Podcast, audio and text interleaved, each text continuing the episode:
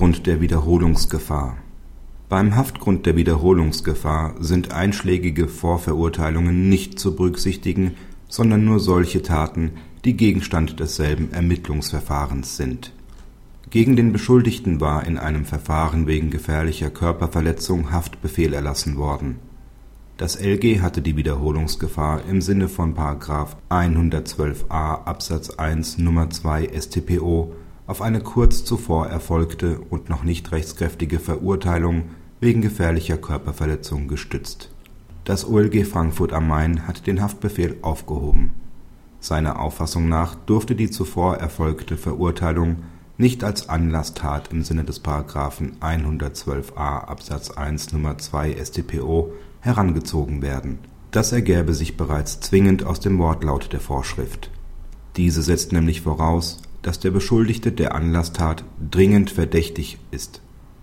Ein solcher dringender Tatverdacht besteht aber nicht mehr, wenn der Beschuldigte wegen der Anlasstat bereits abgeurteilt wurde.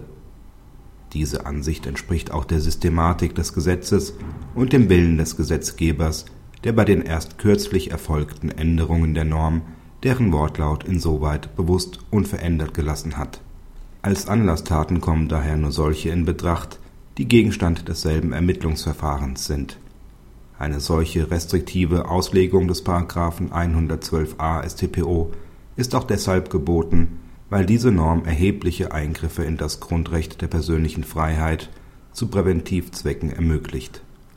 Praxishinweis Im Gegensatz zum OLG Frankfurt am Main haben andere Oberlandesgerichte teilweise auch einschlägige Vorverurteilungen als Anlasstaten im Sinne des § 112a Absatz 1 Nr. 2 StPO herangezogen und dies mit dem Schutz der Allgemeinheit begründet.